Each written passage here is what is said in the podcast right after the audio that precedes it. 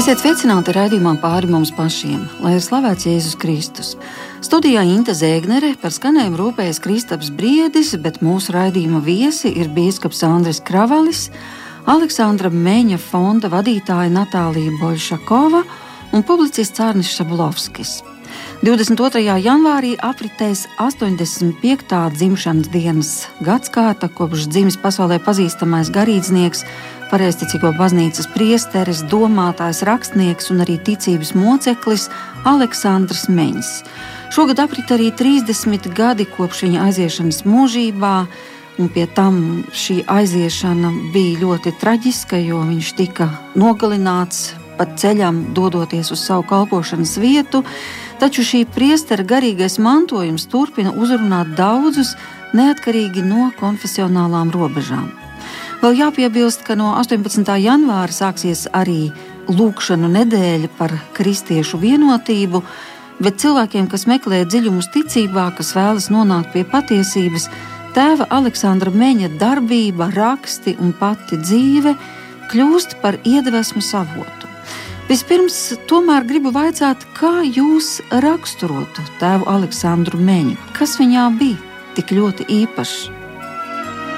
Tiešām Aleksandrs Mēnesis bija izcils, neparasts, ļoti drosmīgs cilvēks. Un, uh, viņš ir iezīmējis to laiku pārēju, kad uh, beidzās Padomju Savienības režīms un uh, Krievija iegāja pilnīgi jaunā situācijā.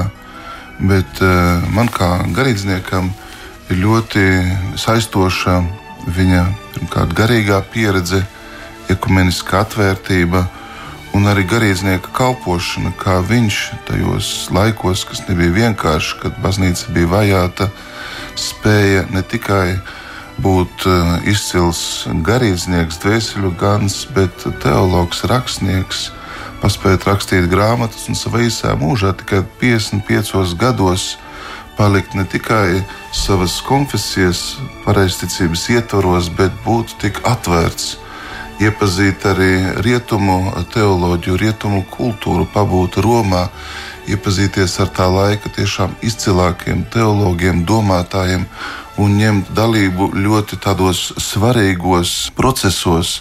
Domāju šeit par uh, tādām konkrētām tikšanām, kad viņš devās vienā no pirmajiem ceļojumiem uz Romu kad viņš satika ļoti daudzus eh, kopienu dibinātājus. Viņš bija saistībā gan ar Fokulāri, gan ar Šarlu de Foucault. Viņš eh, pazina brāli Rožē. Arī tad, kad eh, Francijas kardināls Šamarī Lustižē atbrauca uz Padomju Savienību, viena no viņa vēlmēm, ko viņš arī īstenoja, bija tieši tikties ar šo izcilo dieva kalpu teologu. Un šodien jau mēs viņu arī godinām kā mocekli. Viņš patiešām atklāja mums, kas ir kristietība, un e, personīgi man patīk tā viņa pārliecība, ka mēs esam tikai kristietības rītausmē, ka svarīgi ir e, redzēt kristietību kā ceļu uz nākotni, neskatīties tikai pagātnē, bet tāpat laikā viņam bija nu, izcilas zināšanas, encyklopēdiskas zināšanas, kuru augļus mēs baudām joprojām, un esam pārsteigti, kā viņš varēs sameklēt šo informāciju. Toreiz nebija Wikipēdijas, toreiz nebija tādas iespējas, un kā viņš savā mūžā nu, varēja būt tiešām gan tēvs, gan dvēseli, gan, gan garīgais tēvs, teologs, kā jūs sacījāt, publicists, rakstnieks, eh, arī dzēnieks. Un, manuprāt, eh, atcerēties viņu, protams, eh, ir saistība gan ar šo lūkšanas nedēļu par kristiešu vienotību, bet arī atcerēties viņu nozīmē pagodināt tos cilvēkus, kas padomju savienībā tika vajāti, cieta, apliecināt ticību līdz galam. Un tiešām Aleksandra Meņa garīgais mantojums bija ļoti daudziem garīga barība un stiprinājums. Jo viņš ir varbūt tas vēl viens aspekts, par ko noteikti runāsim. Viņš arī bija kā pētnieks un zinātnieks. Viņš arī ļoti labi saprata, ka um, Padomju Savienības ateistiskais režīms bieži vien ar zinātnes palīdzību vēlas, uh, ja tā var teikt, uh, uzbrukt, ja izgaismot kristietības vājās vietas. Tieši tāpēc viņš arī kā nu, teologs un zinātnieks ļoti daudz strādāja tieši šajā aspektā parādot, ka kristietībai un zinātnē nav pretrunu, bet gluži pretēji tās savstarpēji papildina, izgaismo un palīdz arī šodienas zinātnē. Kopš Aleksandra Meņa aiziešanas mūžībā ir pagājuši 30 gadi, būtībā ir izaugusi vēl viena paudze. Un tāpēc es gribu lūgt Natālijai tomēr atgādināt šīs personības starojumu un to viņa devumu. Viņš ir dzimis 1935. gada 22. janvārī Dzimis ebreju ģimenē, pieņēmis kristietību, bet tālāk nu, viņš ir spējis ar savu darbību apgaismot tik daudzus cilvēkus, patiesībā vest viņus pie īstenas kristietības sapratnes. Es gribētu, lai jūs mazliet par viņu pastāstītu. Un jūs viņu galu galā pazināt personiski, un var teikt, jūs esat viņa garīgā meita. Это удивительно, что человек, родившийся в Сталинской империи, но на самом деле, как вот есть по-русски такое выражение, там говорят о святых, он впитал веру с молоком матери. Ну, понятно, да? Tas ir apbrīnojami, ka viņš ir dzimis Staļina impērijā, bet, kā saka par svētajiem, ka viņi ir saņēmuši ticību līdz ar mātes pienu, un tā var sacīt arī par Aleksandru Meņu, jo vēl, kad viņš bija mātes klēpī, viņa māte dzīvoja garīgā tēva, katakombu stareca, garīdznieka, kurš pēc 1927. gada, kad metropolīts Sergejs paziņoja par baznīcas lojalitāti padomju varai, aizgāja aizgāja pagrīdē. Tajā laikā daudz garīdznieki tika arestēti un arī nošauti, bet daudzi aizgāja pagrīdē, katakombu baznīcā. Который был близок к патриарху Тихону, вот он в 27 году причем по благословению последнего оптинского старца, Оптина пустой, ну, знаете, угу. их тоже закрыли. Un tēvs Serafims Batjukovs, kurš bija tuvs patriarham Tihonam, 1927. gadā saņemot pēdējā Optīnas stareca, klostera stareca svētību. Un jūs jau zināt, ka šo klosteri slēdza, viņš ar Optīnas stareca svētību aizgāja pagrīdē. Viņš apmetās Zagorskā, kā toreiz eh, tika dēvēta Sergijeva posāda. Un tur viņš dzīvoja lauku mājā kopā ar divām klosteru māsām. Un Jeļena Semjonovna Meņa, gaidot savu dēlu, dzīvoja šīs Tareca vadībā. Писал ей, люди письма носили. Это не, не то, что электронная почта, а никакой почты, потому что это все было очень опасно. Так носили письма из лагерей. И вот руководил этим церковным подпольем, в котором был крещен вот Алик Мень, епископ Афанасий Сахаров, ныне канонизированной церковью. Он сидел в лагере, и оттуда писал письма, которые люди носили. Tātad šis tēvs Serafins lūdzās, lūdzās par Jēļēnu tajā laikā rakstīja viņai, un toreiz vēstules tika nodots no rokas rokā, un nekāda elektroniskā pasta jau nebija, un vispār nebija nekāda pasta, jo tas bija bīstami, un tieši šādā veidā tika piegādātas vēstules arī no lēģeriem. Un uh, šo pagrīdes baznīcu vadīja bīskaps Afanāsijas Saharovs, kurš tagad ir kanizēts. Un viņš sēdēja lēģerī un rakstīja vēstures, vēstules, kuras slepeni e, tika nodotas tā tālāk cilvēkiem visā valstī. Un lūk, kā jau sacīju, Jeļena Semjonovna Meņa dzīvoja šī garīgā tēva vadībā, un tad, kad piedzima Aleksandrs, šis tēvs viņai arī iedeva īpašu lūkšanu kārtu, kā lūgties par bērnu, viņu barojot. Но важно, что ребенок все получал вот просто от Бога через мать, через вот этого старца. Bet svarīgi, ka bērns to visu saņēma jau tiešām ar mātes pienu. Un vēl ir jāsaka, ka Jeļena Simonovna toreiz nebija kristīta. Viņas ģimene bija ticīgi ebreji, kuriem kristietība bija neiedomājama. Немыслимо. Она пошла сама в церковь, Nu, это уже были советские времена. Kā pusaudze viņa pati aizgāja uz baznīcu, bet tie bija padomu laiki, un viņai toreiz, tie, protams, kristība atteica. Bet tajā pašā laikā viņa dzīvoja kā kristiete. Viņa kaut kur atrada jauno derību, un ar to arī dzīvoja. Un viņa tika kristīta 1935. gadā kopā ar savu jaundzimušo dēlu. Aleksandram bija septiņi mēneši. Там планировали, чтобы туда поехать. Ну, в общем, короче говоря, ребенку было 7 месяцев. Поэтому, когда его потом обвиняли, что он выкрест, я не знаю, как это по-латышски можно сказать, так называли очень пренебрежительно человека, Un, diemžēl bija arī cilvēki, kas nicīgi runāja par viņu kā ebreju, kurš nu ir kļuvis par kristieti. To devē tādā vārdā vikrist, to pat iztulkot īsti nav iespējams.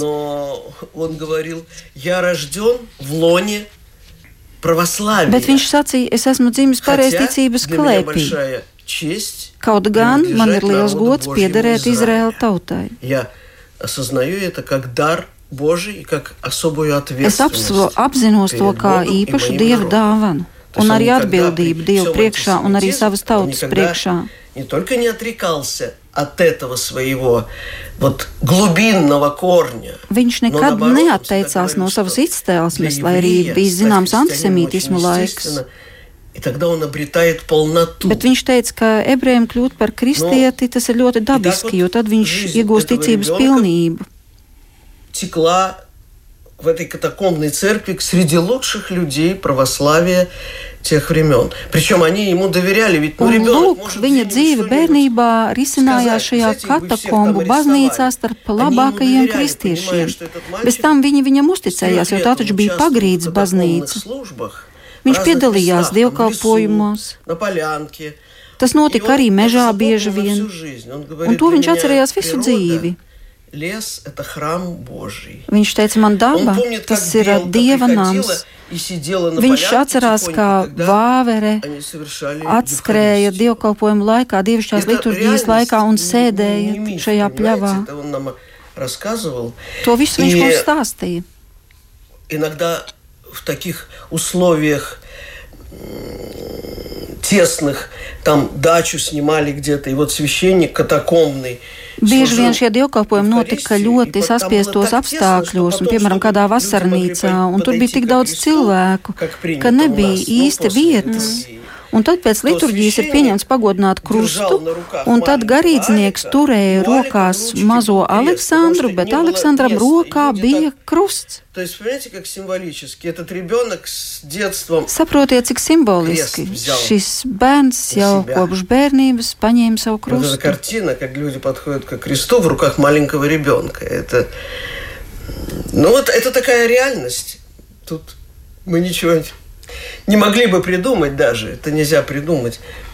Ну и, как говорил вот этот отец Серафим Елене Семеновне, глядя на крохотного этого ребенка, он говорил, я верю, что в нем исполнятся все наши чаяния. Un kā teica tēvs Serafīms, skatoties uz šo bērnu, es ticu, ka viņā piepildīsies visas mūsu cerības, un ka mēs šeit pagrīdē esam ne tāpēc, lai ar kādu cīnītos, bet tāpēc, lai saglabātu tīru kristīgo mācību. Jo tas, kas notika baznīcas vidē toreiz, tas bija liels kompromiss. Es neņemos spriest un tiesāt вот эти люди, которые ушли в подполье, Bet šie cilvēki, kas aizgāja pagrīdē, ради чистоты, viņi aizgāja, lai saglabātu ticības tīrību. Nu, и вот он смотрит на этого маленького ребенка. Un, lūk, viņš skatās uz šo mazo bērnu. Каким-то пророческим. Un saka tādus pravietiskus vārdus, kas vēlāk arī piepildījās.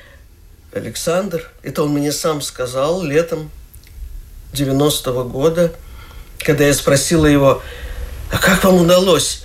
Tad, kad es vaicāju tēvam Aleksandram jau 1990. gadā, kā viņam izdevās saglabāt šo ticības tīrību un kalpot tik grūtos apstākļos, jo toreiz jau bija vajāšanas, atceramies, ka 60. un 58. gadā viņš kļuva par diakonu un 60. par garīdznieku. Tas bija laiks, kad Hruščovs apsolīja visai tautai, ka pēdējo ticīgo viņš parādīs pa televizoru.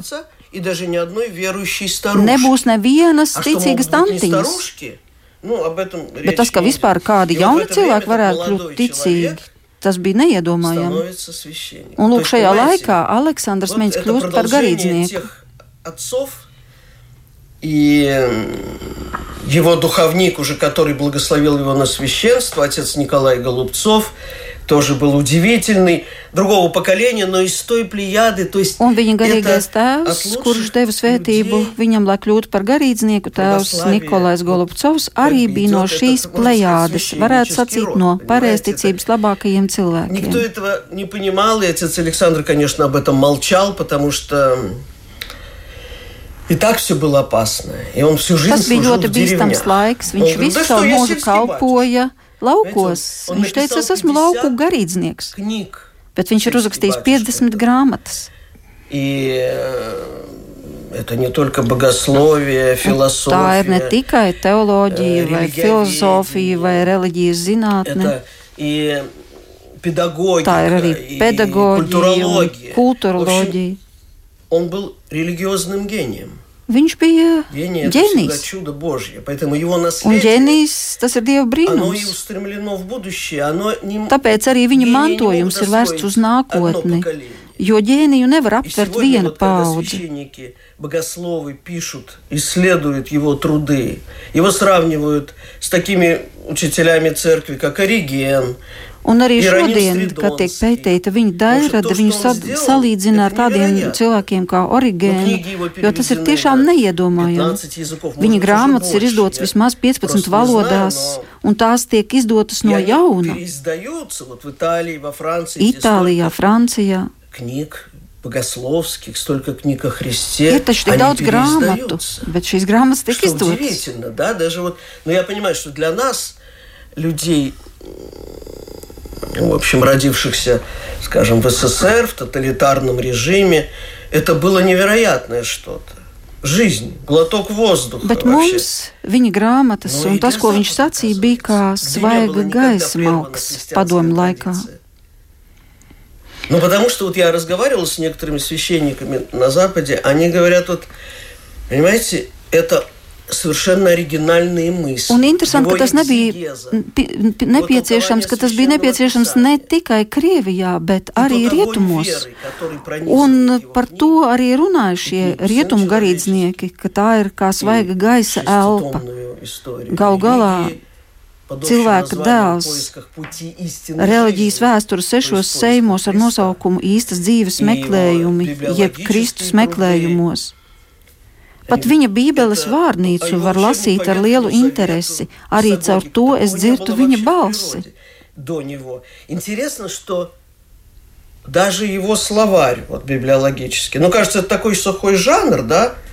Ну, словарь, энциклопедия. Но читаешь с огромным интересом, я слышу его голос.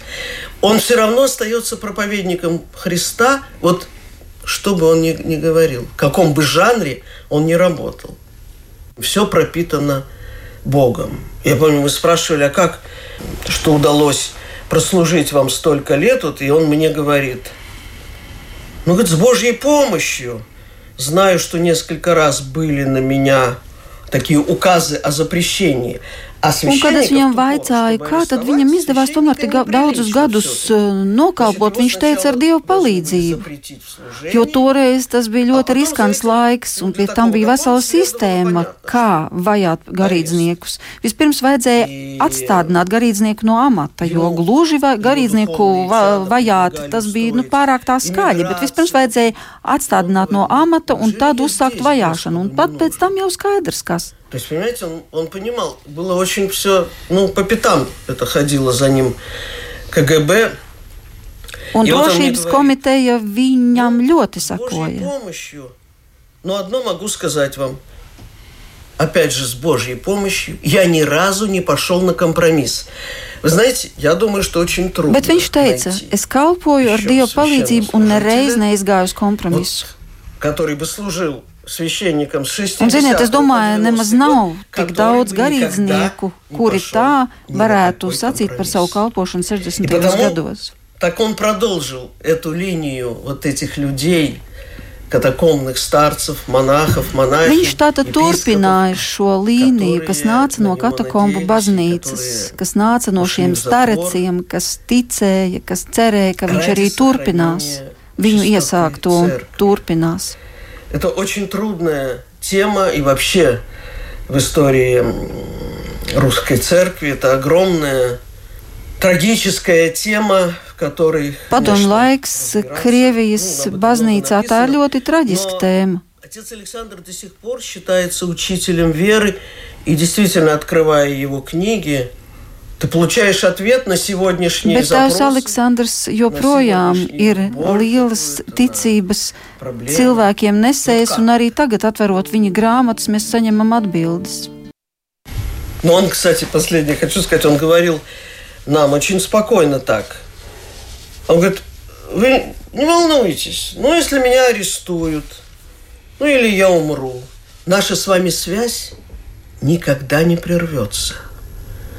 Vai обращаетесь ко мне? Viņš teica, neuztraucieties, ja man arestēs, vai arī, ja es nomiršu, mūsu saikne nepazudīs. Jūs vērsieties pie manis, es par jums aizlūkšu. В 89 году точно. Я так хорошо ощутила, ну, в общем, он меня спас, я могу это сказать, ну, без подробностей. При этом я не могла ему позвонить. Un 89. gadā es pati to piedzīvoju, ka tiešām viņš mani izglāba. Bez tam es nevarēju viņam piezvanīt vai kaut kā palūgt, jo viņš bija Itālijā, tas nebija iespējams, bet viņš tiešām mani izglāba. Un pēc tam, kad mēs satikāmies, es redzēju viņa acīs, ka viņš ļoti labi zina, ka viņš mani ir izglābis, palīdzēs man izglābties просьбу. И я к Богу обращалась потом тоже. Господи, помоги мне по молитвам моего отца Александра. В общем, ну, это кто-то верит, не верит в такое, но я реально вот эту пережила, вот эту связь с ним. И потом он, понимаете, он меня так обнял, когда я хотела его благодарить, а он сказал, у Господа чудес много. Ну, то есть это, наверное, продолжается, да. эта связь. Да. Помолитва. Особенно первый год, когда, понимаете, он меня в последний день его жизни, который мне выпало провести вместе с ним с утра до вечера, мы расстались с ним половина седьмого вечера в Москве, а через 12 часов он был убит. Вот, я не могла в это поверить, у меня как-то Nu, не могла я. Я не понимала, куда можно деть вот эту любовь, вот эту Mēs ar viņu viņa dzīves pēdējā dienā, 12 stundas pirms viņa aiziešanas mūžībā. Un kad es uzzināju par to, kas ir noticis, es nespēju tam noticēt. Un tad Glepsa Kuņins man teica, atjēdzieties, es viņu morgā redzēju. Tas bija neiedomājami. Kā var nogalināt tādu mīlestību? Bet ko tad lai dara? Un Gļebs Akuņins teica, lasiet Jāņa evaņģēliju.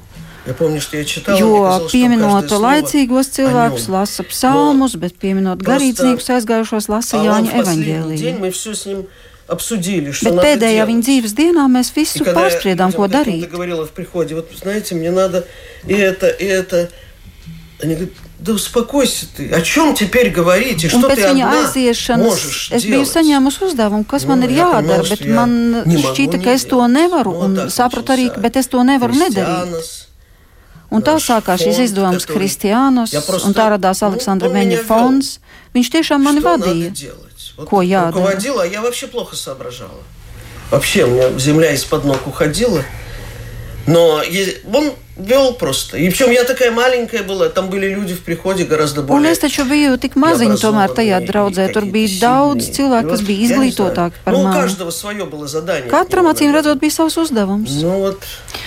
Но почему такие гонения? Bet kāpēc tāda vajāšana Ведь, pret viņu? Среди его учеников и Солженицын. Taču viņa sekotāju vidū bija Solženicins un daudzi cilvēki, Vērinsevs. совместная семья, в Taču которой bija были tā и tāda бабушки, draudze, и kur bija visi ученые, и kopā, приезжали gan из Москвы, tantiņas, gan Да, и. Аверинцев, и, ну, это легенды уже, можно сказать. Но, понимаете, Солженицын на самом деле, он звал отца на путь борьбы. Solženicins sauca viņu uz cīņu. Bet tēvs Aleksandrs, kurš nedarīja neko bez dieva vadības saņemšanas, viņš saprata, ka viņa uzdevums ir daudz lielāks, nevis uh, tikai politiski cīnīties. Un Solženīcinam tas nebija saprotams. Bet Aleksandrs viņam nevarēja neko paskaidrot, un Solženīcins tā kā pagāja malā. Kaut gan tēvs Aleksandrs ļoti nopietni viņam palīdzēja viņa literatūras izplatīšanā. Ива Амана. В общем, все рукописи Солженицына были переправлены во Францию Visi благодаря Solženīcina rokraksti tika aizsūtīti uz Franciju, pateicoties tēva Aleksandra Meņa sakariem, slepenajiem sakariem. людей он выстроил таким образом. Это, в общем... Еще один вопрос. Хотела- гонение почему? Ну, как вам сказать? Такой человек не может не вызывать, понимаете, как Redziet, свет. tāds cilvēks, слепит. kurā ir tik ļoti daudz Вот. gaismas, Ну, viņš кого-то nevar свет izsaukt просвещает, arī а у кого-то naidu. вызывает ненависть. Вот Tātad почему vienu надо gaismu было apgaismo, bet наброситься на otrā izraisa 90-летнего nepatiku un старца, naidu. брата Роже, Nu, piemēram, kāpēc vajadzēja Prisūstvī uzbrukt всех братьев 90-gadīgajam и двух тысяч brālim паломников. Rožē, Francijā? и Tūkstoši убить его. svēceļnieku Это что? klātbūtnē un Это viņu nogalināt. ослепляющий Kas tas свет bija? Христов, который Tas bija tas, ka brālī Rožē bija ļoti daudz dieva gaismas, un ne visi to spēja izturēt. Un tās Aleksandrs vienoja cilvēkus. Un 90. gadā septembra vidū. Un Gorbačovs to akceptēja, ka toreiz Visavienības televīzijā bija jāžar kristīgs kanāls. Viņi satikās ar Aleksandru Meņu, un to es jau pēc tam uzzināju no Gorbačova. на него такое же огромное впечатление, Un как tēvs папа Иоанн Aleksandrs Павел uz II. viņu Он atstāja сказал, эти tik два lielu человека iespaidu, kā перевернули Jānis Pāvils душу во II. мне. Viņš Хотя sacīja, он ka всё šie время divi говорил, что он cilvēki ir атеист. pilnīgi pārvērtuši viņa No, dvēseli. понимаете, Kaut gan pats он Gorbačovs говорил, teica, ka viņš esot Отец ateists. Александр – это человек будущего, человек диалога.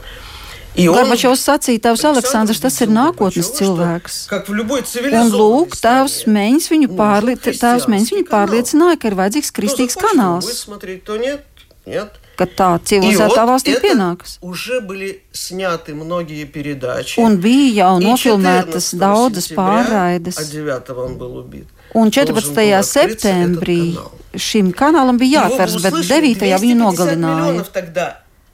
миллионов тогда. Ja šis Был kanāls būtu Советский atvērts, Союз. viņu Представляете, sadzirdētu какую власть 250 над miljoni. умами и Iedomājies, сердцами kāda имел бы этот ietekme tā būtu сельский батюшка. šim Это же lauku кому-то garīdzniekam. было страшно. Kādam bija bail no Нельзя tā. же было этого допустить. То И недrīkstēja когда pieļaut. журналисты потом рассказывали с центрального телевидения, Un pēc tam no они centrālās все были на televīzijas žurnālisti отпевании и stāstīja, похоронах kur отца arī Александра. bija Aleksandra Все снимали, Bērēs. они вернулись в студию. Viņi на atgriezās завтра. studijā, Ни одной кассеты, un которая tur была vairs nebija записана, не nevienas было в kasetes, студии. kur bija Понимаете, filmēts какой tēvs это был Aleksandrs Meņš. Четкий план. Saprotiet, kāds tas bija Ну, вот plāns? чей он? Ну, Kas to izdarīja? сатаны. Ну, Nu, Protams, люди Sātans. были его орудиями Bet этого cilvēki strādāja šī Но он plāna сам īstenošanai. знал, Что? Bet viņš pats to zināja, ka viņam būs jāaiziet. суждено погибнуть. Он знал это? плана. Он знал это. Viņš to Восьмого zināja. вот он был совершенно необыкновенен. 8. Я была у него, septembrī значит, с viņš утра, bija там, pavisam в 8 утра на neparasts. исповеди. Es biju Я 8 no rīta uz удивлялась даже grēku во время исповеди, sūdzi. думаю, Какой он сегодня необыкновенный. Es Я pat не успеваю grēku sūdzē договорить brīnījos, своё. А он Ka отвечает es vēl мне neesmu на то, paspējis как будто я izstāstīt, всё bet сказала. viņš man jau atbild, Ну, it kā es там много būtu было visu такого. pateikusi. И временами вот совершенно лицо его сияло, что было больно Brīžām смотреть. viņa Ну вот, seja знаете, это staroja, тогда я даже izstaroja себе записала gaismu. Потом. Es pēc Было tam pat больно pierakstīju смотреть на to. него, закрывала Gaisma глаза. bija tik spilgta, ka А man после pat bija grūti литургии он был skatīties. такой, как всегда, Bet «Ой, pēc ну, пойдемте liturģijas со viņš bija мной, tāds вас pats kā именины parasti. поздравляю». Tam čājam pail, potom mēs viņam Cienāja ar tēju visus, pēc tam mēs atbraucām ar viņu uz Maskavu. Tur bija lekcija par kristietību.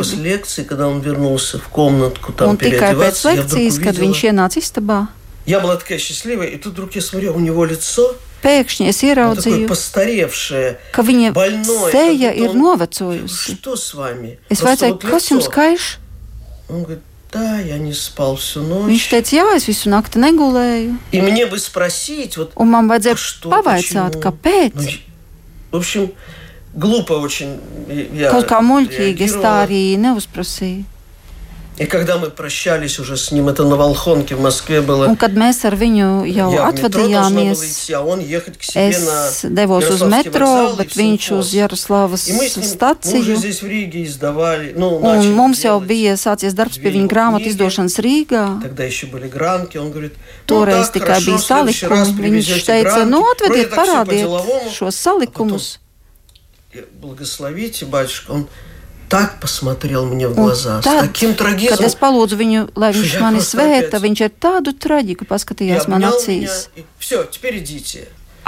Mani, Но, apkampa un teica, un tagad ejiet. Понимаете, вот как я это могу своим маленьким умом понимать, Если Бог хранил его вот эти годы, когда вот его все время таskali KGB, вот его вечером после службы возили. Kā es to saprotu, ja Dievs viņu visu laiku sargāja, neraugoties uz to, ka viņu visu laiku sauca uz drošības komiteju, bieži vien viņu vakarā savāca, bet no rīta izlaida uz kalpošanu. Un, protams, visu tajā laikā lūdzās, un tur bija tādi pagrīdes zvani, lai mēs saprastu, vai viņš ir izlaists vai nav izlaists вернулся. Tā tad ir izlaists. Un, ja toreiz Dievs viņu sargāja, tad varētu vaicāt, kāpēc tad pēc tam viņš nesasargāja viņu. Ничего он не делал без воли Божьей, которую он точно ощущал. Bet es saprotu, ka viņš neko nedarīja bez dieva gribas, kur viņš ļoti skaidri saprata. Tātad viņš bija devis piekrišanu lai izdzertu šo kausu līdz galam. Kaut ko viņš ar savu dzīvi izpērka. Vai šajā valstī, varbūt baznīcā, es nezinu.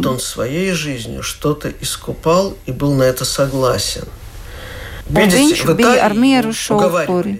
Prasīja, nu, nāga, tas stāņķis. Redziet, Itālijā viņu pierunāja, lai viņš paliek uz gadu, lai lasa lekcijas, un viņa meita tur dzīvoja, un arī viņu mēģināja pierunāt. Я ее потом спрашивала. Es pēc tam viņai vaicāju, tu domāji, ka kaut kas var notikt? Nē, es vienkārši gribēju, lai viņš mazliet atpūstos. А в августе он сказал одному священнику, уже покойному, отцу Антуану Эллинсу, настоятелю тогда Медонской общины Сен-Жорж, «Прощай, друг, мы с тобой больше никогда не увидимся на земле». Bet augustā viņš pateica vienam no garīdzniekiem, Antoānam Elensam, kurš toreiz kalpoja Šenžordža draudzē Medonā. Ar Dievu draugs mēs šajā zemē vairāk nesatiksimies. Un pēc tam vēl viens garīdznieks to pašu pateica. Tā tad viņš zināja, ka viņš mājās atgriežoties, atgriežas uz savu Golgātu. Arni, gribu tev vaicāt par Aleksandru Meņa nozīmi tieši tagad. Mēs jau runājam par to, ka ir pagājuši jau 30 gadi, kopš viņš vairs nav reāli šajā pasaulē, bet tas, ko viņš toreiz mācīja baznīcā saviem sekotājiem, kas tas ir šodien? Kas ir tas, ko mēs nekādīgi nedrīkstam pazaudēt mūsdienu kristietībā. Es domāju, ka tas ir tas, par ko tu arī pats ļoti daudz domā. Jā, es domāju, ka tas jau, ko Natālija teica par šo upuri. Bet šis upuris iet tālu pāri manā sajūtā. Es pazīstu Aleksandru tikai no, no tekstiem, no internetā ir iespējams gan šīs lekcijas vēl dzirdēt un ieraudzīt. Bet, manuprāt, tie kristietības izaicinājumi, kurus tā piedzīvoja Krievijā padomi laikā ar šiem kompromisiem, lielā mērā, varbūt pat vēl lielākā mērā, neparastā veidā šie izaicinājumi ir visā pasaulē šobrīd kristietībai, neatkarīgi no konfesijas, manuprāt. Un vienkārši šī vajadzība atgriezties pie sākotnējās vēsts, pie būtības.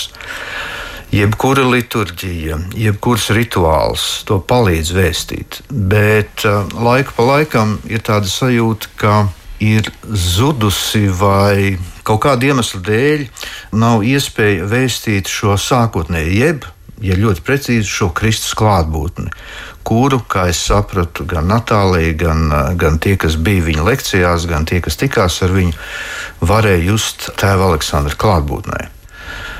Respektīvi, viņam bija šī dāvana, manuprāt, ar visu, ko viņš darīja, uzreiz fokusēties uz būtisko. Un tas ir tas, kas visvairāk pietrūkst. Kādēļ caur viņu Kristus uzrunāja tik daudz inteliģentus cilvēkus, tik daudz izglītotos cilvēkus. Un arī man ir gadījies, ir, ir viņa, viņa lielisks teksts, gan īss un ļoti precīzs, kas saucās Credo, kur viņš ir ielicis savu savu skatījumu gan uz kristietību, gan uz kristietības pagātni, gan uz izaicinājumiem. Un, ja es to nolasu cilvēkiem, Latvijas dzīsniekiem, kam nav nekāda, vai kas ir diezgan attālināti no reliģiskās dzīves, viņi saka, jā, tam es piekrītu. Respektīvi, šī viņa spēja visādā veidā gan izstarot Kristu, gan iet uz dialogu jebkurā veidā ar, ar, ar cilvēku viņa līmenī. Jo visi tie izaicinājumi, kas ir, un, un visi arī lielie izaicinājumi ekoloģijā un tam līdzīgi, manuprāt, eh, jo, jo mēs runājam par to, ka Eiropa jau būtībā eh, tiek saukta par pēckristīgo eh, kontinentu. Bet tad, kad tu lasi vai dzirdi tēva Aleksandra balsi, tieši tas, ko viņš teica šeit pēdējā savā uzrunā, pēdējā lekcijā, kristietība, ka kristietība nav pagātne. Kristietība ir nākotne. Un, un tā ir tā vēsts, kas, kas būtu eh, skaļā veidā jāvēst eh, šī brīža beigtajam kontinentam, Eiropai. Tādēļ caur viņu, man liekas, ir iespējams kristietības restarts šobrīd, iedvesmojoties no viņa, no viņa piemēra un arī no viņa vēsts nu, tagad pēdējā laikā mēs ļoti daudz runājam gan par nemieriem, gan par ekoloģiju, gan tā tālāk. Un saprotam ļoti labi, ka planēta ir jāglābi no sērijas neapēt planētu, kā mēs redzam arī daudzās, piemēram, transporta pieturās rakstīts neapēt zemeslodi. Bet būtībā mēs arī pirms raidījuma vēl ar tevi runājām arī par to, ka bet eh, neapēt zemeslodi ir iespējams tikai tad, ja mainās iekšējais sirds stāvoklis. Un, un, ja, un ja viņš nemainīsies, tad tikai ārējās glābšanas formas, ar to, ka mēs mazāk lietosim, nezinu, degvielu un vēl kaut ko, ar to zemeslodi nav iespējams glābt, un ne tikai zemeslodi. Jā, bez šaubām, bet arī atkal tajā, ko, ko, ko Natālija iesāka, manuprāt, tā, tā atslēga ir tas, vai kristieši saprot, kāds dārgums viņiem ir uzticēts. Tad, kad mēs lasām, teiksim, tēva Aleksandru, manuprāt, lielā mērā tie, kas mēs esam ar kristietību saistīti, mums uh, dabiskā veidā rodas darbs ar savu sirdsapziņu. Bet kādā līmenī mēs pārstāvam kristietību? Vai tie cilvēki, kas sastopas mūs kā kristiešus, un par to arī tēvs Aleksandrs ir runājis, vai viņi tiek iedvesmoti, vai arī otrādi viņi tiek iejaunoti. Respektīvi, cik lielā mērā mēs nesam šo autentisko kristietību, jeb pašu Kristu vienkārši. Un viņš ir atrisinājums visām tām tavām pieminētajām problēmām. Tā ir tā lieta. Es gribu vaicāt arī par to faktu, ka pretī Svētās Marijas Magdalēnas baznīcai atrodas Svētās ģimenes māju, un tur ir Aleksandra Meņa piemiņas istaba. Eh, gribu vaicāt biskupam Andrim, kāpēc jums bija svarīgi, lai viņa piemiņa eh, glabātos šajās telpās? Katoļu baznīcai Aleksandrs Mēnesis ir ļoti tūs. Gan uh, ar savu teoloģiju, gan ar savu pastorālu izpratni. Es domāju, ko varbūt vēl Natālija nepateica. Nu, bija dažreiz nedēļas nogales, kur viņš kristīja līdz pat 50, 60 cilvēkus savā laikā. Viņš nebija tāds, kas tikai sēž pie rakstām galda, bet viņš bija tāds dvēseli gans. Viņš pilnā mērā atdevās kalpošanai, bet tāpat laikā viņš eh, kristietību izdzīvoja simtprocentīgi. Es domāju, šīs viņa ticības liecinājums, es ticu, ja tiešām ir vērts to pārlasīt. Viņš internetā ir latviešu atrodams. Un tur patiesībā ir vērts tajā iedziļināties, jo šie principi joprojām ir aktuāli, un es domāju, ka daudz no tiem vēl ir ļoti, nu, kas stāv mums priekšā. Viņi, kā viņš saka, es redzu kristietību kā tādu dinamisku spēku, kā ceļu uz nākotni. Un patiešām šis ceļš iezīmējas, un tā varbūt, varbūt tāda pirmā atbilde tev, kāpēc mēs Svētās ģimenes mājā esam izveidojuši šo piemiņas istabu, jo redzam pirmkārt, ka ļoti daudz cilvēki mīl tevu Aleksandru, cenšas apzināties garīgo mantojumu, un man bija iespēja arī redzēt, kā tas notiek īpaši Francijā. Es biju gan Parīzē, Jēzuītu centrā, tika pieminēti daži tēvi, redzēju viņu biblioteku, un, piemēram, Beļģijā, Briselē izdevniecībai dzīve kopā ar Dievu bija liela nozīme, jo paradoxāli Aleksandra Meņa darbi vispirms tika iepazīti, vairāk izdoti mm, rietumos, Francijā, Beļģijā, citās valstīs, un tikai pēc tam tos iepazina Krievijā. Un arī mums, tā var teikt, pateicoties draudzībai ar Natāliju, ar Aleksandra Meņa fondu, jau kopš vairākiem gadiem tika uzticēta ļoti nu, skaista, izteiksmīga Igora Vasiljeva figūra, kur viņš attēlo tēvu Aleksandru Meņu eh, lūkšanā, tādā dziļā apcerē, krieviski sazircaņēja.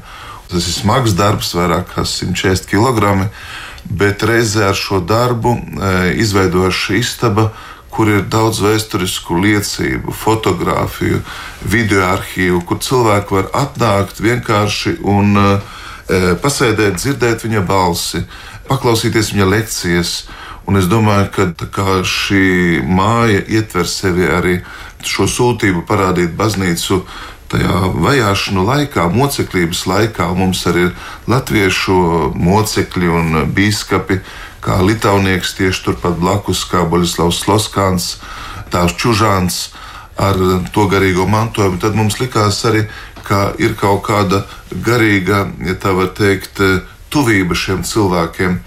Un tāpēc īpaši tagad, gatavojoties arī viņa piemiņas dienai, es gribētu izmantot šo iespēju un aicināt atnākt apskatīties šo piemiņas istabu. Un mēs esam tur arī izstādījuši uh, Aleksandra Meņa darbus. Varbūt tas daudzus pārsteigs, varbūt Natālija mazliet paskaidros, bet mums ir uzticēts kopijas no viņa zīmējumiem, gleznām un īstenībā, nu jāsaka, arī ikonām, kuras viņš rakstīja. Ir tās saglabājušās, un tās, protams, ir pagaidām vēl nav daudz kur eksponētas, bet eh, šīs eh, reprodukcijas mums ir uzticēts, un arī mēs vēlamies, lai cilvēki atnākot šeit, eh, to iepazītu, redzētu, cik eh, cildens, cik izcils dieva cilvēks bija šis garīdznieks. Es atceros, kad es eh, parādīju saviem studentiem, kas studē teoloģiju, vienkārši nu, dažus simtus Aleksandra fotografiju, kas skar viņa bērnību, viņa dzīvi, viņa kalpošanu.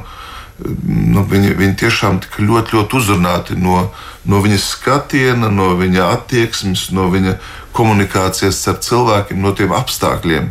Ja cilvēkā kaut kas atmostās, un tās ir redzamas, taustāmas liecības, kuras turpina dzīvot, un manuprāt, tās arī paver vairāk to mūžības perspektīvu, jo Aleksandru Meņģi, ja mēs gribam saprast, mums ir jāredz tas, ko Natālija sacīja, viņa upuris, tāpat kā Boļislavs Loskāns savu devīzi izvēlējās eh, ar vārdiem upuris par brāļiem, tā es gribu teikt, arī Aleksandrs Mēnesis kļuva par upuri par ne tikai krievu tautu, ne tikai pareizcīgo baznīcu, bet tas bija Kristus mācekļa, Kristus sekotāja upuris. Un cilvēki, kas to nu, ir atklājuši, viņi vairs nav vienaldzīgi, viņi tic svēto sadraudzību. Tā arī es ar to pilnīgi piekrītu Arnim un domāju, ka tā ir šodienas atbildība, šodienas izaicinājums un arī tas ceļš, kurš baznīca ir ejams. Jo mēs jūtam, redzam, ka mums ir jābūt labi sagatavotiem, mums jābūt pietiekoši gudriem, atbildīgiem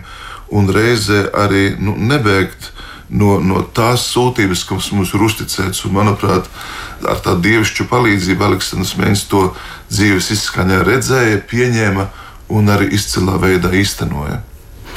Man te uz galda ir divi jaunākie Kristiānas numuri, tas nozīmē, ka šo izdevumu, nu, kas ir ļoti vērtīgs un ko izdod Aleksandra Meņa fonds, vai arī to ir iespējams aplūkot un skatīt ģimenes mājā? Ir arī grāmatas, kuras jūs tur varēsiet iegādāties.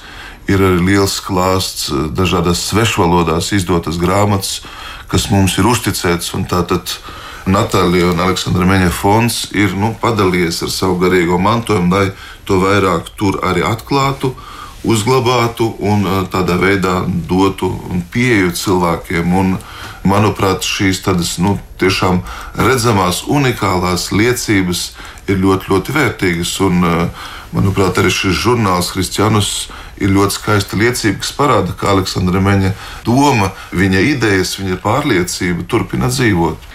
Es gribēju pavaicāt par to, ko ir rakstījis apustulis Pāvils, un arī to, ko saprata Aleksandrs Meņš. Apustulis Pāvils rakstīja, ka tas, kas ir jūsos, ir lielāks par to, kas ir pasaulē. Dievs mūsos, kuru mēs neskapēc tik maz gribam iepazīt. Nu, tas jautājums ir, kāpēc mēs pie tās būtības netiekam tik bieži? Tāpēc, ka ja mums, mums ir vajadzīgs kontakts ar šādiem garīgiem tēviem, kas šo būtību mūsos atver, kas nes šo Kristu. Un man, man kaut kāda kristīgo identitāte palīdz saglabāt Aleksandra tekstu. Vienkārši. Es arī pa laikam nogurstu uh, no, no rutīnas un tā tālāk. Bet uh, Aleksandram viņa liecība ir tā, kas uzmodina šo svaigumu, šo pirmo svaigumu, šo pirmo mīlestību, par ko runā Bībele. Es atbildēšu tā, kā pats Aleksandrs to saka. Viņš saka, ka ticība nav pirmkārt teorētiska pārliecība, bet gan uzticēšanās dievam.